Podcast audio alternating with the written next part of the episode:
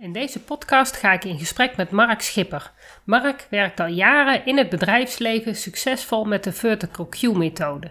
En de Vertical Q-methode behelst de negen intelligenties die huizen in je hoofd, hart en buik. En door deze intelligenties in kaart te brengen, of eigenlijk af te lezen van het lichaam, kan hij verschillende uh, mensen binnen een team uh, in hun eigen talent uh, laten functioneren. Een heel interessant verhaal dat een hele grote link heeft met het beelddenken en het taaldenken.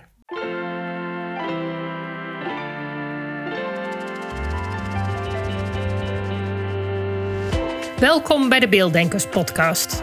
Ik ben Natasja Esmeijer van Beeldig Brein en de schrijfster van het boek Beelddenkers als kwartjes vallen. Ik neem jullie mee in de wereld van de beelddenkers.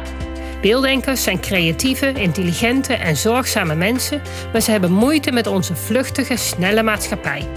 Dat begint al op school en het werkt door in het werkende leven. Ik ga in gesprek met leerkrachten, ouders van beelddenkers en met de beelddenkers zelf natuurlijk.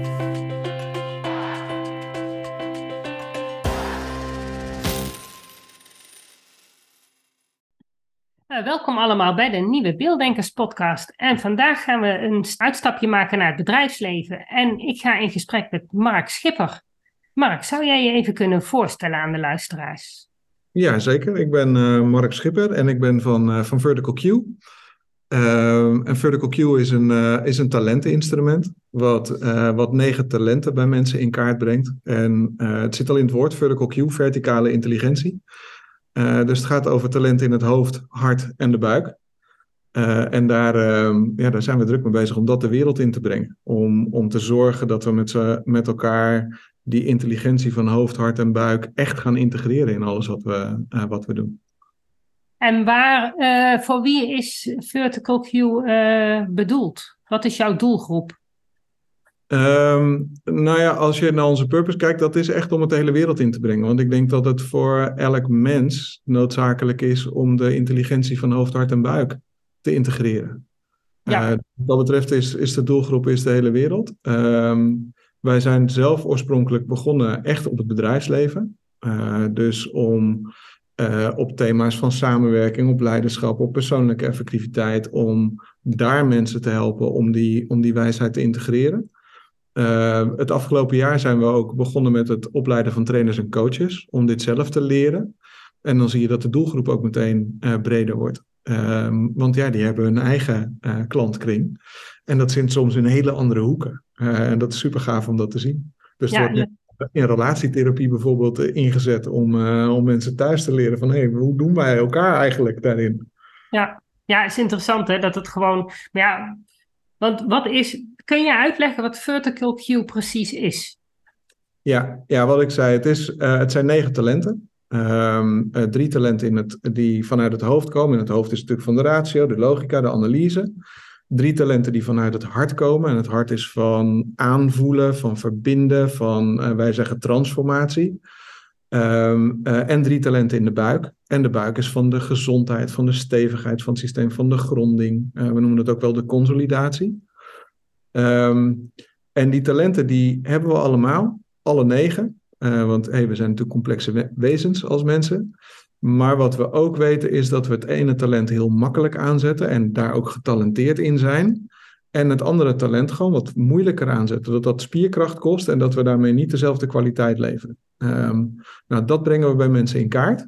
Uh, dus we brengen die volgorde van 1 tot en met 9 in kaart. We zoeken uiteindelijk naar een profiel van 4 om mensen vervolgens te kunnen helpen van hoe zet ik nou die talenten ook zo optimaal mogelijk in. Voor mezelf, voor mijn omgeving, op het juiste moment. Wat, wat heb ik dan te doen in mijn lijf um, uh, om dat aan te zetten en hoe uitzicht dat dan vervolgens? Ja, dat klinkt wel heel mooi. Uh, weet je ook, zie jij ook daar een uh, link met het taaldenken en het beelddenken? Want jullie maken echt een profiel, begrijp ik. Ja, wij maken echt een profiel en daar uh, zeg ik altijd bij, um, hou in de gaten, ik wil niemand platslaan tot een profiel van vier talenten. Want we zijn natuurlijk veel complexer dan dat. Uh, om te beginnen hebben we alle negen talenten, maar we hebben ook een, een achtergrond, culturele achtergrond, onze opvoeding. Ja. Ook het taaldenken en beelddenken. Er zit natuurlijk heel veel uh, nog bij wat ons vormt. Ik vermoed wel, daar hebben we natuurlijk nog geen onderzoek naar gedaan, maar daar ben ik wel heel, uh, in, heel erg in geïnteresseerd, dat er linken zijn tussen bepaalde talenten in, ik, ik vermoed met name hart en buik, Mhm. en het beelddenken. Ja. Eh, omdat het taaldenken meer gekoppeld is aan de, aan de hoofdtalenten. eh, Ja, in ons... taaldenken is natuurlijk echt dat ratio. En eh, op zich zit in het taaldenksysteem zit niet zoveel gevoel bij in. Daar kun je het gevoel eigenlijk best wel makkelijk uitschakelen. Absoluut. Ik kijk Al zijn er natuurlijk ook taaldenkers, als ik bijvoorbeeld naar mezelf kijk. Ik ben ook best wel gevoelig. Dus ik denk dat er heel veel eh, verschillen zijn. Terwijl bij de beelddenkers, die zijn veel minder in dat hoofd bezig. Die zijn eigenlijk varen die heel veel op het eh, buik. En ik denk in jouw geval op het hartgevoel. echt dat aanvoelen van andere mensen. Het verbinden tussen andere mensen. Ik denk dat dat echt beelddenkkwaliteiten zijn. Waarbij het per Oh. beelddenker verschilt hoe sterk die zijn en eh, waar dan precies de, de, de kracht ligt, denk ik. Ja, ja, en ik vraag me dan af of het helemaal een zwart-wit of-of is. Als ik kijk naar, de, naar, naar onze talentprofielen, dan zie je vaak dat mensen talenten hebben in ofwel alle drie de breinen, eh, ofwel twee van de drie, maar dat daar, ehm, dat daar een volgorde in zit. En de mensen die eh, van, de, van de vier talenten er drie in het hoofd hebben, ja, die zijn denk ik automatisch ook wat meer op hoofddenken gericht. Ehm, eh, en eh, mensen zoals ik, ik heb niet een talent in het hoofd, maar ze zitten bij mij allemaal in, in hart en buik. Ja, ik herken me goed in, eh, in alles wat jullie omschrijven vanuit Ja, beelddenken. Dat Maar is- je mag ook, kijk, een, een brein is natuurlijk ook een, een volledig ontwikkeld brein. Heeft natuurlijk twee hersenhelften die allebei hun werk doen. Hè? Dus het is, als volwassene ben je en beelddenker en taaldenker, alleen je hebt een voorkeur. Ja, En als kind is dat wat anders, want ja, dan is dat brein nog een ontwikkeling. Maar je bent sowieso nooit alleen maar een beelddenker of alleen maar een taaldenker. Net als wat jij zegt, je hebt alle negen talenten, alleen er zijn er een paar die eh, op de voorgrond treden. En Ja. beelddenken, taaldenken is echt de manier van informatie verwerken die anders gaat. ja, Het hele ja, denkproces. Ja, dat is heel mooi. En wat je zegt over, eh, ze zijn er alle twee. Ja, zo zit dat ook met hoofd, hart en buik. Juist. We zitten allemaal alle drie. En we gebruiken het ook allemaal alle drie, of we nou willen of niet. Eh, eh, alleen de talenten van de een zetten we wat makkelijker in in de praktijk. Ja, zeker. En ik denk ook dat dat goed is om die talenten te ontwikkelen. En je bewust te zijn dat je die andere talenten ook moet ontwikkelen. Of dat je daar in ieder geval moeite voor moet doen dat je die niet vergeet. Want dat is natuurlijk ook wel belangrijk. Dat je wel een, als mens, als, als volwassene in balans bent. En op zich wel alles kunt aanspreken. Alleen dat zal nooit zo vanzelf gaan. Nou ja, of weet, ehm, je, je heel bewust bent van, joh, dat is niet voor mij. Eh, want er is, denk ik, nou, ik ben ze nog niet tegengekomen in ieder geval, maar er is geen volwassene die helemaal in zijn eentje werkt. Eh, we, Nee. we, we zijn altijd onderdeel van een collectief. Dus het is veel effectiever wat mij betreft om dan te kijken en om bewust te zijn van, nee, maar als ik dit niet heb, wie heeft dat dan wel in mijn omgeving? En Ja. hoe, hoe zetten we dat dan samen eh, in? Kost namelijk veel minder energie. Het is veel leuker. Zeker. Ja, maar dan zul je wel eerst van elkaar moeten weten ehm, dat het überhaupt bestaat. Dat er dus verschillen zijn tussen mensen. Ja. En dat je eh, van jezelf, maar ook van je collega's weet waar dan die talenten zitten. Absoluut. Ja, dus daar begint het. Ja. Het begint eerst, eh, als, als we in organisaties met teams werken, Mhm. dan begint het eerst met het eigen profiel, om het eigen bewustzijn daar, eh, daarop te hebben. Maar de vervolgstap is de profielen van elkaar leren kennen, zodat je daar ook de, ehm, de herkenning en ook de erkenning op, eh, op krijgt.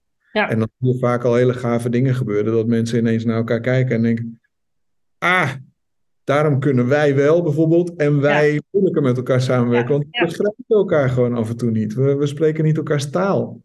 Nee. Eh, Nee, is inderdaad. Ik denk en hoe, hoe, eh, hoe lang, hoeveel tijd hebben jullie daar dan voor nodig? Stel dat je een eh, gemiddeld groot bedrijf hebt met 80 werknemers of zo. Doe je Ja. dat per afdeling of, ehm, of doe je Ja. het hele bedrijf? Een beetje wat is de vraag natuurlijk. Dus wat is de, wat is de ontwikkelstap die ze, die ze willen zetten. Ehm, maar gedragsverandering, ja, dat zul je zelf ook ervaren. Dat is niet een knop die eh, die je Nee, nee, nee. Dat is eerst kennis, bewust worden, accepteren van jezelf en accepteren van de ander. En dan pas kun je eigenlijk gaan kijken hoe je kunt. eh, Ja, exact. Dus dat is bij ons dat we in eerste instantie creëren we het bewustzijn erop. uh, op de ik. vervolgens creëren we het bewustzijn op de, op de ander. En wat creëren we dan met elkaar daarin? En daarna gaat het over het intrainen van, maar hoe doen we dat dan bij projecten? Hoe doen we dat dan in vergaderingen? Hoe zorgen we dan dat alle drie de intelligenties uh, op, op het juiste moment worden ingezet. Dat al die negen talenten op het juiste moment worden, worden ingezet. Ja, daar zie je dat meestal voordat een klant um, dat echt, echt in de vingers heeft, ben je gewoon een jaar, soms wel twee jaar verder. Uh, En dan zijn we natuurlijk niet fulltime met, met ze bezig. Nee. Maar wel om uh, soms een trainingssetting te creëren waarin ze in veilige omgeving iets kunnen oefenen om daarna weer in de, in de spannende echte wereld uh, uh, de spieren verder te trainen. Ja, nou ja, ik denk ook dat je dat voor jezelf ook, als je die bewustwording hebt, ja, je moet er eigenlijk meer leren werken. Hmm. Ja. Ja, absoluut. En, en samen met die ander moet, leren, moet je leren werken, van, want het wordt ineens een hele andere setting. Je kunt ineens dingen gaan delegeren en andere dingen van iemand anders overkrijgen. En je kunt ineens beter gaan samenwerken eigenlijk. Ja, absoluut. Ja, absoluut. En dan zie je wel gave dingen staan. En soms zie je organisaties die er dan voor kiezen van... hey, leid alsjeblieft mensen binnen onze organisatie hierin op. Mm, dat is altijd zeker prettig. ons wordt. Dan kan het een continu proces blijven. Ja, dat is veel mooier dan dat ze afhankelijk zijn van een externe ja. uh, coach natuurlijk. Ja. Waar komt het vandaan, dat vertical Q? Um, het is een jaar of 30 geleden inmiddels is het, uh, uh, is het ontwikkeld door mensen die aan de ene kant een achtergrond hadden in oude wijs wijsheden als Aikido bijvoorbeeld. Um, maar ook op het lijfgerichte technieken als de Alexander-techniek, een aantal technieken die daaromheen zitten. Dus die echt op het lijf en lijfintelligentie zitten. En aan de andere kant mensen die um, onder andere een achtergrond hadden vanuit het Enneagram. En die um, en hebben. Enneagram? Het Enneagram is ook een, een, uh, een methodologie die, um, uh, die karakterstructuren typeert. Die werken ook met negen, negen structuren. Die we noemen alleen eerder dat je er één hebt van die negen, dat dat, mm. dat je kern is. Uh, maar zij zijn 30 jaar geleden met elkaar gaan experimenteren en kwamen erachter dat, um, dat het lijf zich op een bepaalde manier beweegt, doet als het ware, als het vanuit een bepaalde dimensie komt. Um, uh, om een voorbeeld te, uh, te geven, het talent van de denker, wat, wat op de kruin zit, dat heeft een aantal dingen die hij van nature doet. Vooral de blik omhoog is er eentje die heel erg van nature is. De houding wat naar achteren is er eentje die heel van nature is, vanuit, vanuit rust. Dat is wat het lijf vanzelf doet. Terwijl um, het andere uiterste, als ik het talent van de doener pak, wat in de, in de onderrug zit, ongeveer ter hoogte van het stuitje, ja, als die aangaat, dan gaat hij naar voren, dan gaat hij staan, dan gaat hij bewegen, dan komt er uh, de dynamiek die er dan, uh, die er dan ontstaat. Um, dat hebben zij ontdekt dat dat, dat dat het geval was. En vervolgens hebben ze vanuit de Aikido ontdekt dat we dat kunnen meten bij mensen. Dat als we Wat mensen... is, uh, want ik ben er natuurlijk niet bekend. Wat is Aikido? Heel goed, dankjewel. Vakjargon. uh, Aikido is een martial art. Um, ja. Dat is niet een, een vechtsport waarbij... Uh, Judo, taekwondo, daar, daar in dat rijtje. Ja, alleen dan uh, is een martial art gaat niet over het uitschakelen van je tegenstander, maar gaat over het inschakelen van je medestander. Okay. Dus, dus, dat is een hele andere filosofie. Maar judo is verdediging, hè? Is ook niet uitschakelen van de tegen, is meer verdediging. Nee, het is alleen nog steeds wel behoorlijk tegen. Ja, en dat klopt. Ja. is meer, uh, meer met en gaat heel erg, de principes die erin zitten, gaan heel erg over wanneer ben ik nou in kracht en wanneer ben ik niet in kracht en hoe zorg ik dat ik nou zoveel mogelijk in kracht ben. Want dan kan ik, uh, dan kan ik het beste uh, creëren. En hoe zorg ik nou ook dat de ander zoveel mogelijk in kracht is? Want als die ander zoveel mogelijk in kracht is, dan kan die ook zo, zo goed mogelijk creëren. En dan kunnen we het ook samen. Ja, maar dan is het geen vechtsport meer. Dan is het meer een nee. samenwerkingssport. Dan is het een martial art. Dat is het onderscheid ja, okay. daar gemaakt ja, ja, tussen, tussen, vechtsporten en martial arts in die zin. Grappig. Um, ja, dus zij ontdekten dat je dat echt fysiek bij mensen kunt meten. Dus ze hebben daar een methodologie ontwikkeld. Um, waarbij je mensen vraagt om op een bepaald punt in het lijf, waar dat talent gekoppeld is, om daar de aandacht naartoe te brengen. Gecombineerd met een bepaalde houding en een bepaalde dynamiek die daarbij hoort. Het enige wat we mensen niet vertellen is welk talent we meten. Uh, dus daarmee schakelen we het hoofd als het ware uit. Ehm, daarmee schakelen we ook, hè, daarmee is het ook anders dan vragenlijstjes, waarin je iets wil zijn. Ja, hier weet je niet waar je op gemeten wordt, dus, dus je kunt het niet beïnvloeden. Ehm, maar kwamen ze erachter dat als mensen op een punt uh, zich richten waar ze sterk zijn, waar dat talent sterk ontwikkeld is, dat ze vervolgens tegen die mensen konden aanduwen wat ze wilden, met alle kracht, alle gewicht die ze wilden, en dat die mens zonder enige moeite kon blijven staan. Terwijl bij een talent wat aan de andere kant zit, wat gewoon niet sterk ontwikkeld is, wat niet sterk in de natuur zit, ja, daar hoeft dus bij wijze van spreken maar tegenaan te blazen of een klein duwtje te geven. En dan gingen mensen al, of ze moesten echt spierkracht gebruiken om te blijven staan. Ja. En dat is een hele mooie metafoor voor wat we in het, in het daadwerkelijke leven doen. Uh, soms moeten we dingen doen die niet echt van ons zijn, die niet echt ons talent zijn. Kunnen we wel, maar dan kost het wel spierkracht. Dus dan moeten we iets ontwikkelen wat niet van ons is. Dan kost dat spierkracht, zijn we aan het eind van de dag gewoon moe. Ja, klopt. Als ik nou, de hele dag gewerkt heb met mijn klanten, dan ben ik niet moe aan, de, aan het eind van de dag. Mooi dat gaat gewoon vanzelf. En in welk deel van je, van je werk wel? Als ik een stuk marketing moet doen, dan uh, daar begin ik liever niet eens aan. En dan denk ik, oeh, jongen, jongen, jongen, moet dat nou? Hoe moet ik dat op gaan schrijven? Terwijl als ik ander stukje schrijf, dat gaat gewoon. Ja. En ja, dat, ja. En, en, dat kun je in een podcast natuurlijk niet zien, maar ik, ik zie jou en dan zie ik meteen wat er gebeurt in je lijf. Dus op het moment dat je het over de marketing hebt, dan bestaat, staat er meteen iets dat het hoofd een beetje naar beneden gaat, de schouders ja, wat omhoog. Terwijl op dat andere stuk, ja, daar zit je gewoon stevig en daar eh, kijk je gewoon met alle rust de wereld in. Nou, dat is wat in de praktijk gebeurt en dat is wat we blootleggen. Het leuke is, ik, ken, ik heb uh, ooit een uh, opleiding Touch for Health gevolgd. Mm Die doen precies hetzelfde. Die kunnen de, de spierkracht in de bovenarm meten. De, en dan kun je gewoon voelen, de arm is, is, is, is stevig of die geeft mee. Ja. Dus ook die spierkracht. En dan, nou, dan kun je iemand een vraag stellen. En dan kun je dus aan die arm voelen of dat die wel of niet. Ja, allergieën, uh, maar ook, ook uh, inderdaad angsten, alles weer uithalen. Ja, het is super mooi, want dat blijft hetzelfde. Ja, ja, dat is ook een principe wat in de Aikido veel gebruikt wordt. Dan meten we in coaching vaak mensen. Dus uh, het is grappig, het is allemaal met elkaar verbonden. Absoluut. Ja, absoluut. Ja, het zijn nog steeds allemaal dezelfde lijven ook, hè? Het, ja, en ja. die waarheid is er al duizenden jaren. We zijn hem ja. alleen het beste ergens een beetje kwijtgeraakt. Uh, ja, nou ja, of ze het überhaupt hier ooit uh, gedaan hebben, vraag ik me af.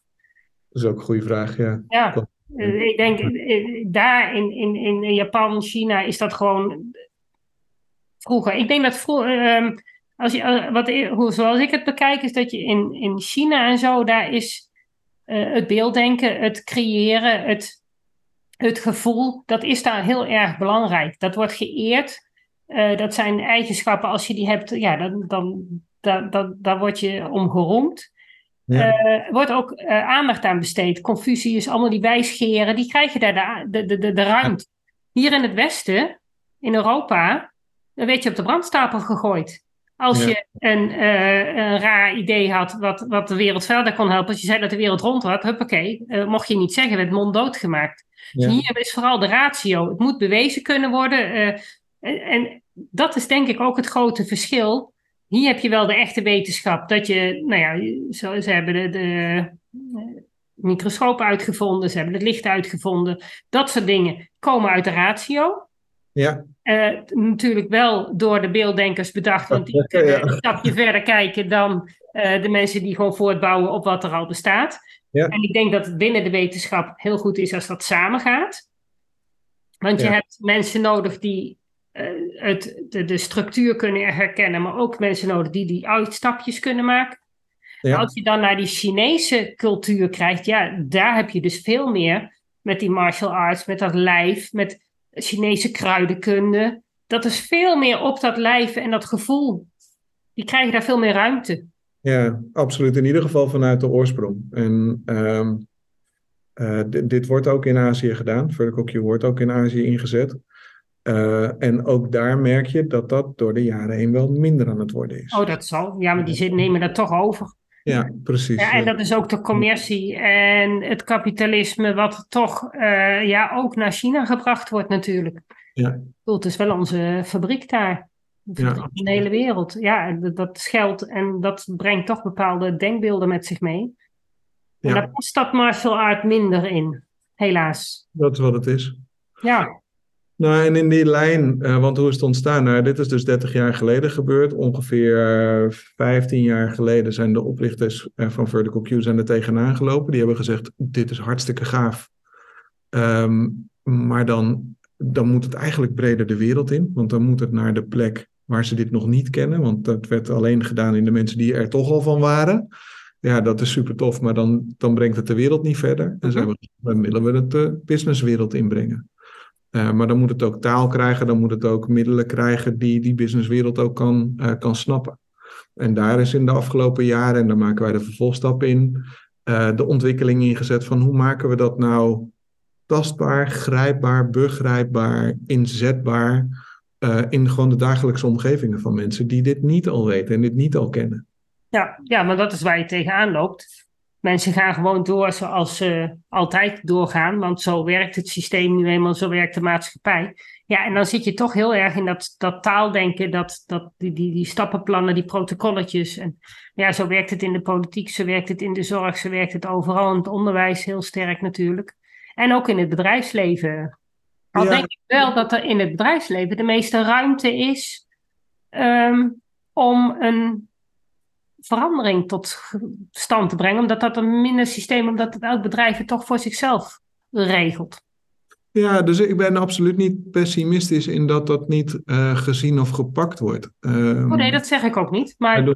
Nee, zo hoor ik me. Maar ik vind het belangrijk om te benadrukken ja. dat um, als ik naar de afgelopen 15 jaar kijk, um, er wordt op heel veel plekken gevoeld van joh, wat we aan het doen zijn, dat werkt niet. Mm -hmm. Um, en er wordt op heel veel plekken wordt er gezocht naar, oké, okay, en wat werkt dan wel? En hoe krijgen we dat nou, hoe krijgen we dat nou werkend in onze omgeving? Dus ik geloof dat de wereld er absoluut klaar voor is. En dat die behoefte er is dat mensen voelen van ik wil, ik wil dat anders. En ik word soms gedwongen om het alleen op het hoofd te doen. En als we niet oppassen, dan, uh, dan krijg je een soort tegenstelling dat hoofd fout is en dat het andere goed is. Dat is het allerlaatste wat ik zou willen ja. zeggen maar dat we het gaan integreren um, uh, met elkaar.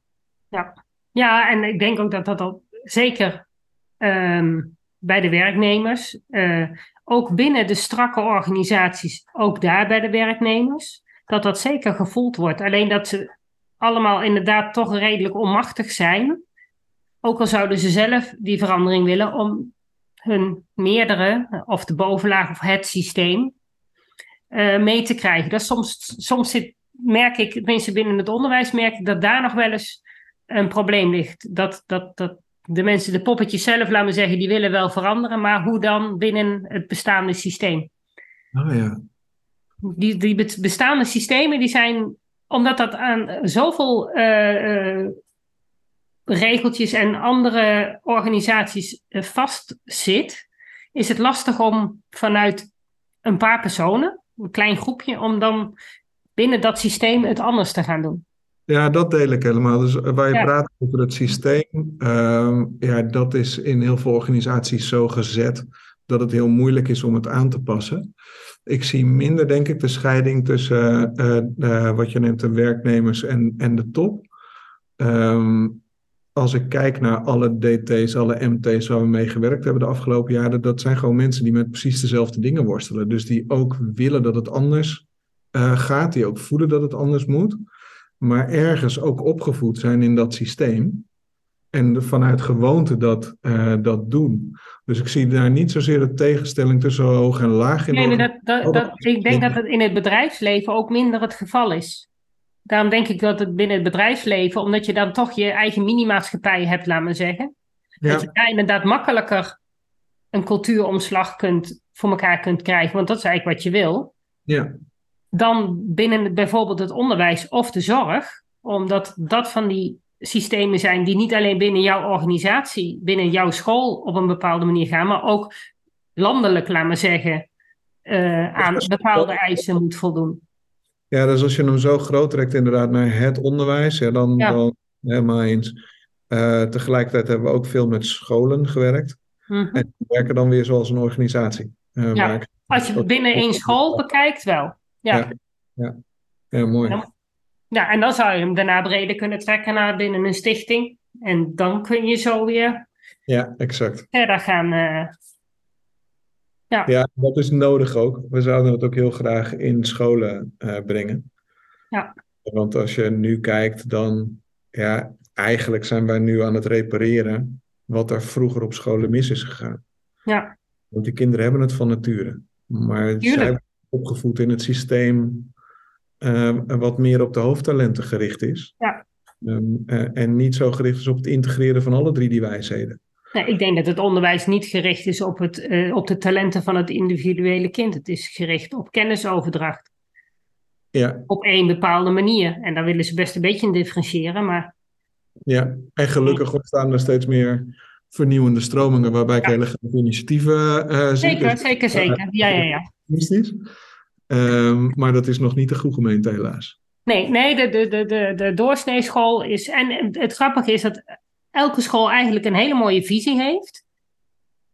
En eh, als je alleen al naar de visies kijkt, denk je: oh, dat gaat helemaal goed komen met mijn kind. Maar dan nog binnen de, eh, de kennis van de, van de leerkrachten en de, de uitvoering van: ja, maar hoe doe je dat dan in de klas? En waar moet ik rekening mee houden? En hoe moet ik dat anders lesgeven? Ja, daar ontbreekt dan nog een stuk kennis en handvaten. En Ja, ja en dan. ehm, mijn oudste die gaat nu net van de basisschool naar de, naar de middelbare school. Dus we hebben het, het rondje open dagen gehad. Ehm, en toen kwam ik echt op eh, zeker de helft van de scholen.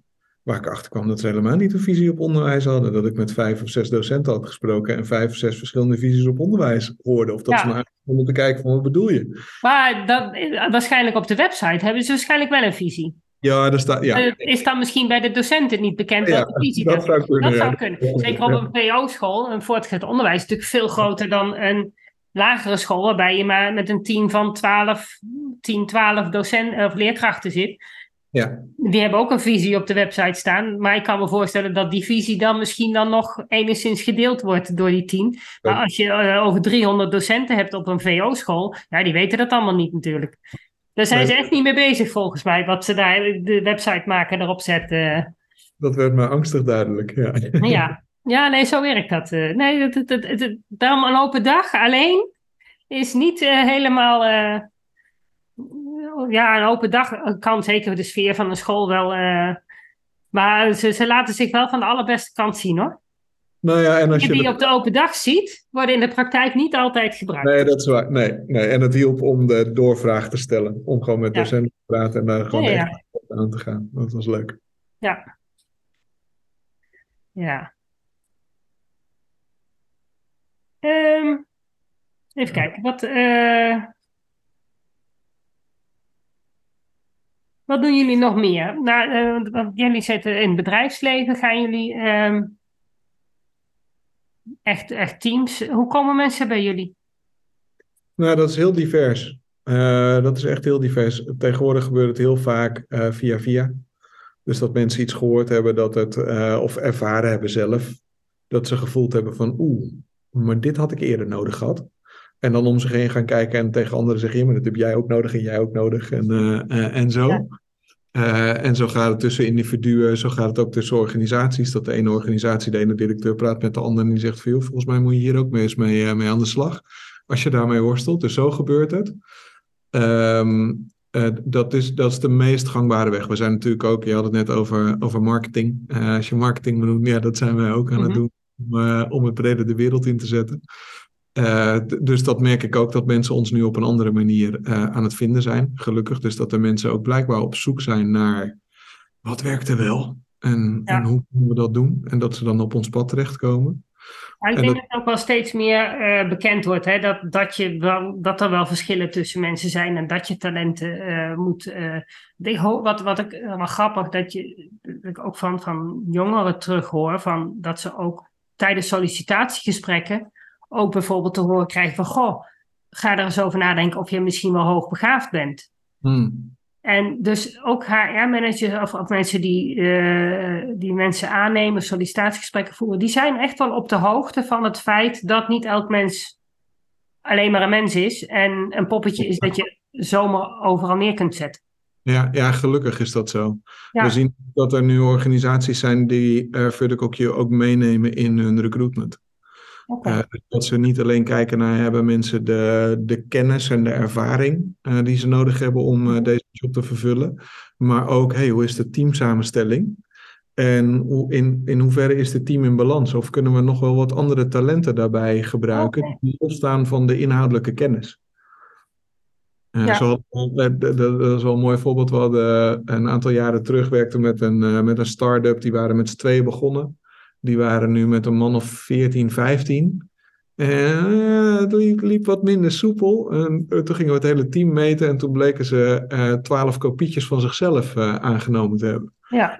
En dat was heel leuk in de eerste fase. Maar op een gegeven moment werkte dat natuurlijk niet meer. Nee, je mist, je mist dan bepaalde, bepaalde talenten. Exact. Dus Ja. waren als ondernemers, logischerwijs in een start-up, waren zij heel erg van snel dingen oppakken, creatieve ideeën, gaan, gaan, gaan. Maar ja, als je allemaal van dat soort mensen hebt, ergens Mhm. bestendigen, moet er ook iets afgemaakt worden, moet er iets goed doordacht worden. Ja, Ja, dat had ja. Is het dan ook eh, van belang dat mensen, ehm, als ze aangenomen worden, zichzelf al kennen? Dat ze ook zelf al wel. Ik bedoel, dat is natuurlijk ook een, een, een, een kwaliteit van iemand als die zelf al weet van hé, hey, ik ben daar goed en ik ben daar goed in. En, want dat geeft natuurlijk rust en stabiliteit in het leven van iemand. Ja, absoluut. Nou, er zijn, op, er zijn eh, steeds meer loopbaancoaches die dit in hun rugzak hebben nu. Ja. Die ook zeggen van ja, maar dat is zo belangrijk voordat mensen überhaupt een volgende stap gaan, eh, gaan zetten. Om eerst maar eens te weten van joh, wat, wie ben ik eigenlijk daarin? Wat zijn nou mijn talenten en wat heb ik daar dan, wat heb ik zelf te brengen? Maar wat heb ik ook nodig in die omgeving om succesvol te kunnen, eh, te kunnen zijn? Eh, en die zien dan ook dat mensen die een dergelijk traject doorlopen, veel succesvoller een nieuwe plek vinden waar ze ook, waar ze ook daadwerkelijk kunnen blijven. Ja. Ja, dat kan ik me voorstellen. Nou, ik kom veel eh, jongvolwassenen tegen die inderdaad het arbeidsleven in moeten.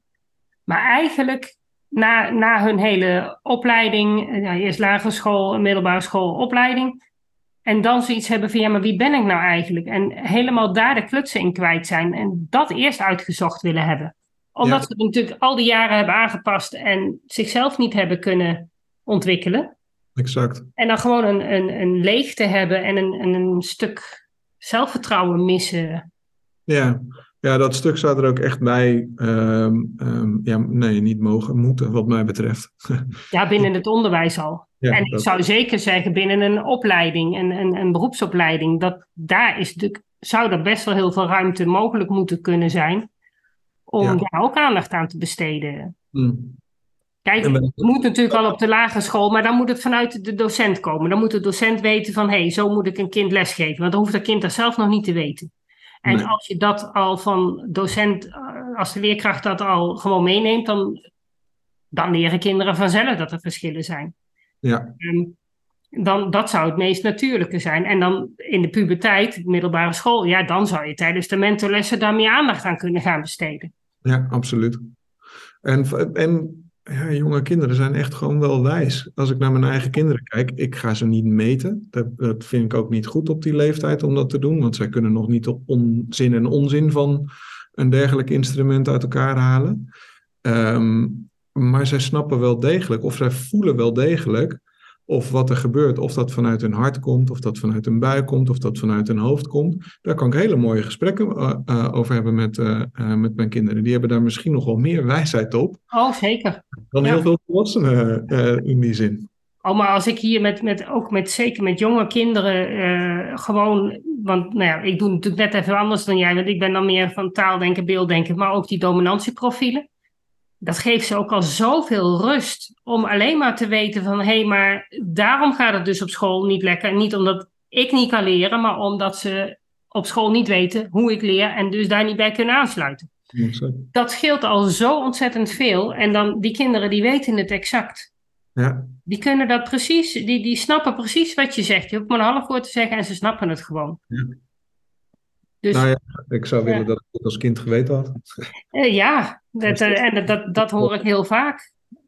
Ja. Ja, ik denk dat eh, iedereen het eigenlijk wel wil weten. Maar Ja, ja, het gewoon nog niet zo. En of je het dan vertical Q noemt of beelddenken, taaldenken. Ik denk dat het redelijk op hetzelfde neerkomt en ehm elkaar inderdaad heel goed zou kunnen aanvullen.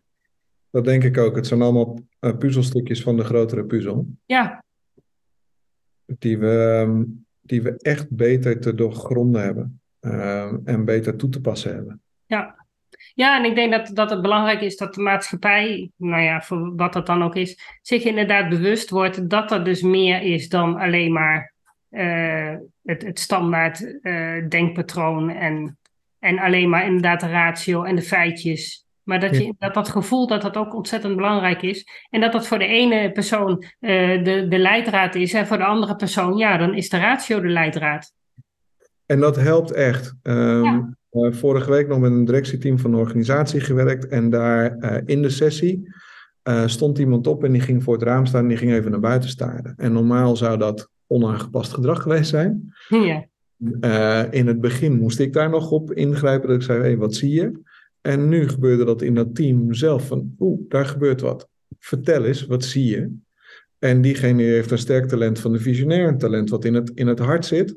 En uh, ja, hoe dat lijf zich doet, is dat hij van nature zoekt hij uitzicht, zoekt hij een raam en kijkt hij naar buiten. Om uh, bijna letterlijk te zien wat er op ons afkomt. En normaal gesproken zou ze dat met hoofdargumenten moeten onderbouwen. En nu, omdat ze het vertrouwen hebben dat zij dat talent heeft, is het voldoende dat als zij terugkomt met volgens mij komt dit op ons af, dat iedereen dan weet, ja, dat zou best wel eens kunnen. Ja. Om met dat scenario maar eens rekening gaan houden. Ja, ja en dat, dat is ook inderdaad het, het, verschil tussen mij en Miranda. Ik werk samen met Miranda. Dat is een echte beelddenker. En zij, wat, wat ik gewoon met woorden moet doen, en dat, dat gaat mij prima af en dat, dat, dat werkt perfect. Zij doet dat op gevoel. Ja. Zij kan dat niet met woorden onderbouwen. Inmiddels kan ze dat beter, omdat dat ze van mij de woorden heeft gekregen, laat maar zeggen. Exact. Ja. Maar zij doet dat met, met gevoel. En dat is, dat is minstens zo waardevol. Misschien in sommige gevallen, omdat wij natuurlijk veel met beelddenkers werken, soms zelfs waardevoller. Ja. In bepaalde omstandigheden. Terwijl andere beelddenkers juist weer ook op zoek zijn naar die woorden. Om zichzelf inderdaad, datgene wat ze al weten, om dat verwoord te krijgen. En het dus met hun hoofd te kunnen gaan begrijpen. Ja, dat is mooi. Hier zie ik een één op één link, want ik denk die visionair, dat talent in het hart, is absoluut een beelddenker. Ja. Uh, daarin. En wat we daar merken in de talenten, is dat die heel erg gebaat is bij een talent wat daarnaast staat. Dat talent waar ik het daar straks over had van de denker. Want wat die doen, die denkt, oeh, dat is interessant. En die gaat vanuit rust, gaat die vragen stellen. En gaat hij de woorden aangeven en helpt hij eigenlijk te ondertitelen wat die visionair ziet, maar zelf niet meteen onder woorden kan, uh, kan brengen. Nee, en waarschijnlijk ook nog niet eens helemaal compleet dat beeld voor zich heeft, maar door die vragen moet hij er op een andere manier naar kijken en ontstaat dat beeld. En het ontstaat inderdaad die, die samenwerking en die samenhang. Ja. En dat is ook hoe ik heel sterk werk. Ik hoor ergens een half woord en dan ga ik verder uitzoeken en dan kan ik er overal aan linken. Maar ik, ga, ik kom niet zelf op dat idee dat er zoiets zou kunnen zijn. Mooi. Ik, ik, heb het wel nodig en dan ga ik inderdaad al die linkjes leggen. En dan komt elke keer het stukje weer een. Uh, de puzzel een beetje weer verder gelegd. Maar ik, heb, ja, ik kan niet in eerste instantie die hele puzzel zien. Terwijl Miranda juist die hele puzzel ziet en die visionair ook, die ziet die hele puzzel. Maar ja, die hele puzzel, dat is zo'n groot stuk. Hoe kom je daar? Ja, exact. Nou ja, en dat is wat we dan mensen in organisaties leren van hoe weet je nou wel, wie welk talent heeft en hoe zet je dat nou in de praktijk dan op het juiste moment in.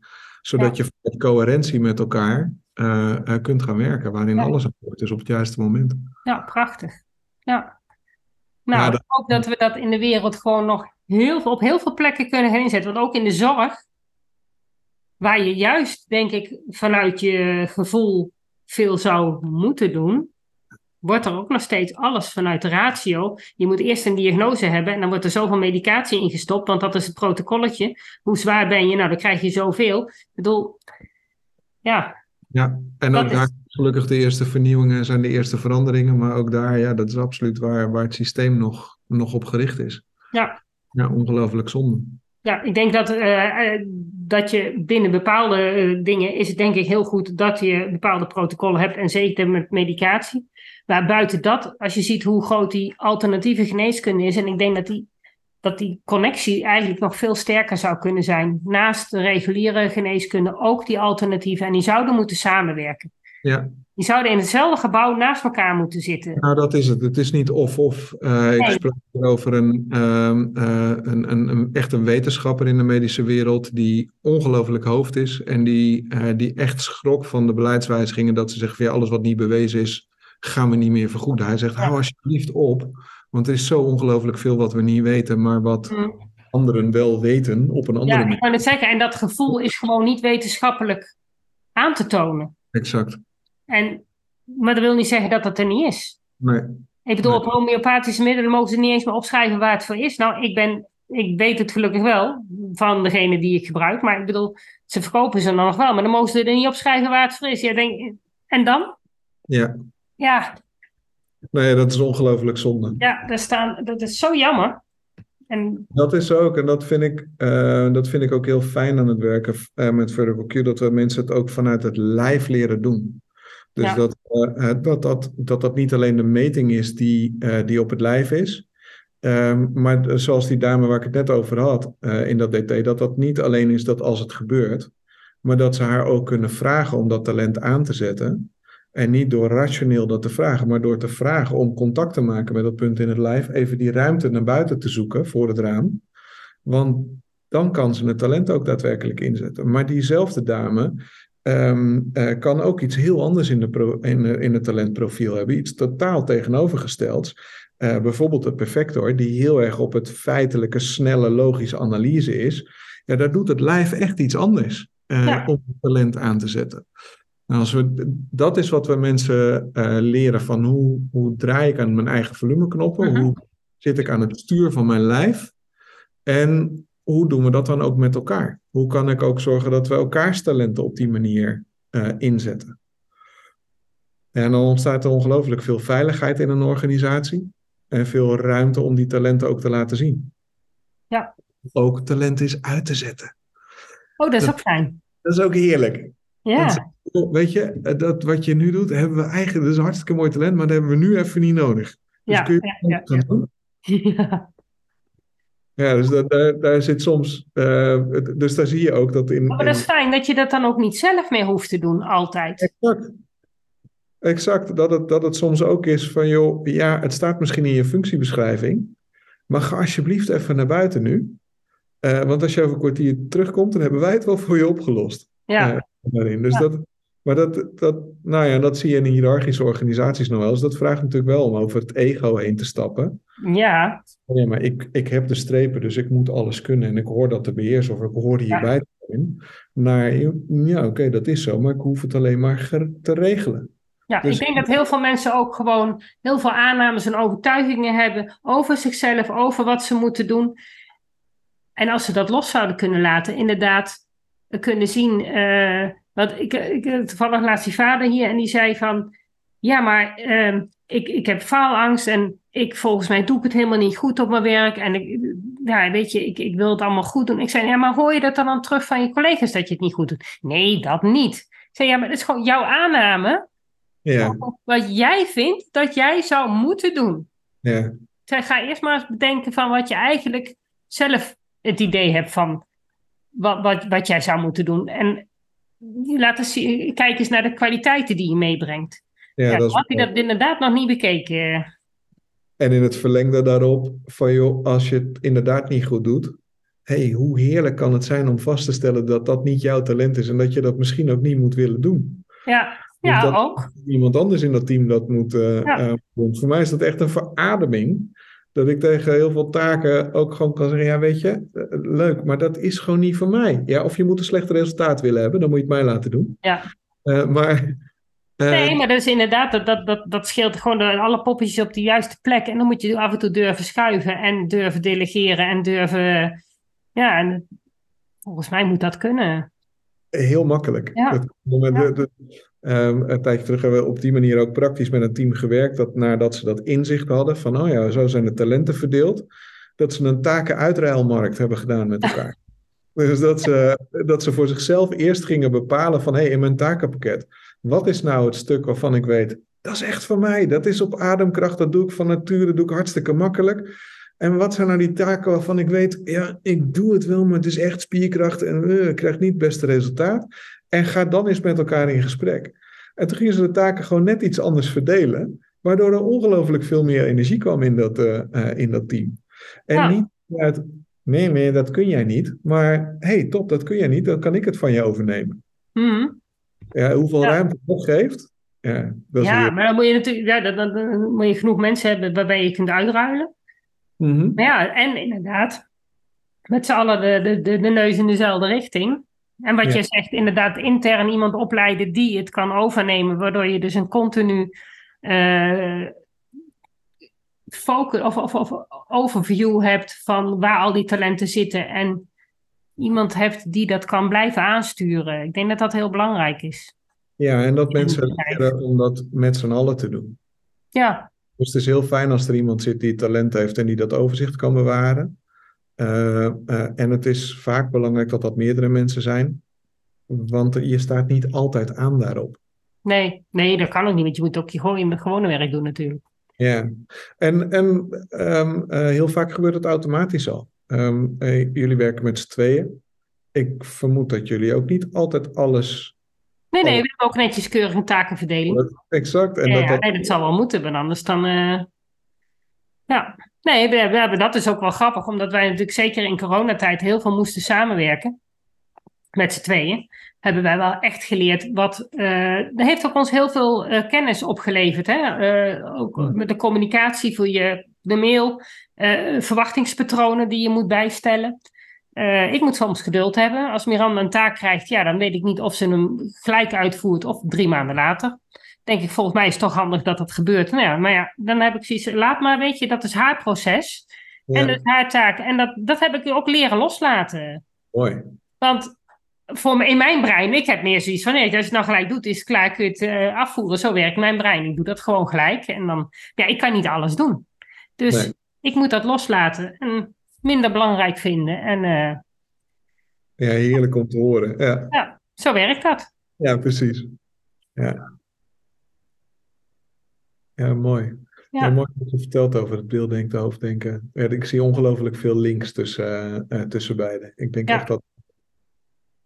Ja, dat daar over nog wel eens even alles naast elkaar leggen. ja, lijkt me een goeie. Ja, ik wil je heel erg bedanken voor dit gesprek. Ik denk dat eh, onze luisteraars weer een heel stuk wijzer zijn geworden.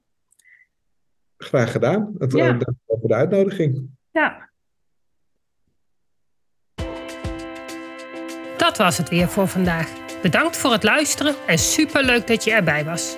Ik hoop dat je weer een beetje meer ontdekt hebt hoe gaaf, maar ook hoe lastig het kan zijn om een beelddenker te zijn in een wereld die is ingericht voor taaldenkers. Wil je meer weten? Lees dan mijn boek Beelddenkers als kwartjes vallen. Wil je op de hoogte gehouden worden van alle informatie die ik deel over beelddenkers in het onderwijs? Klik dan op de abonneerknop in je podcast-app. Wil je dat er meer mensen op de hoogte zijn van hoe beelddenkers anders denken?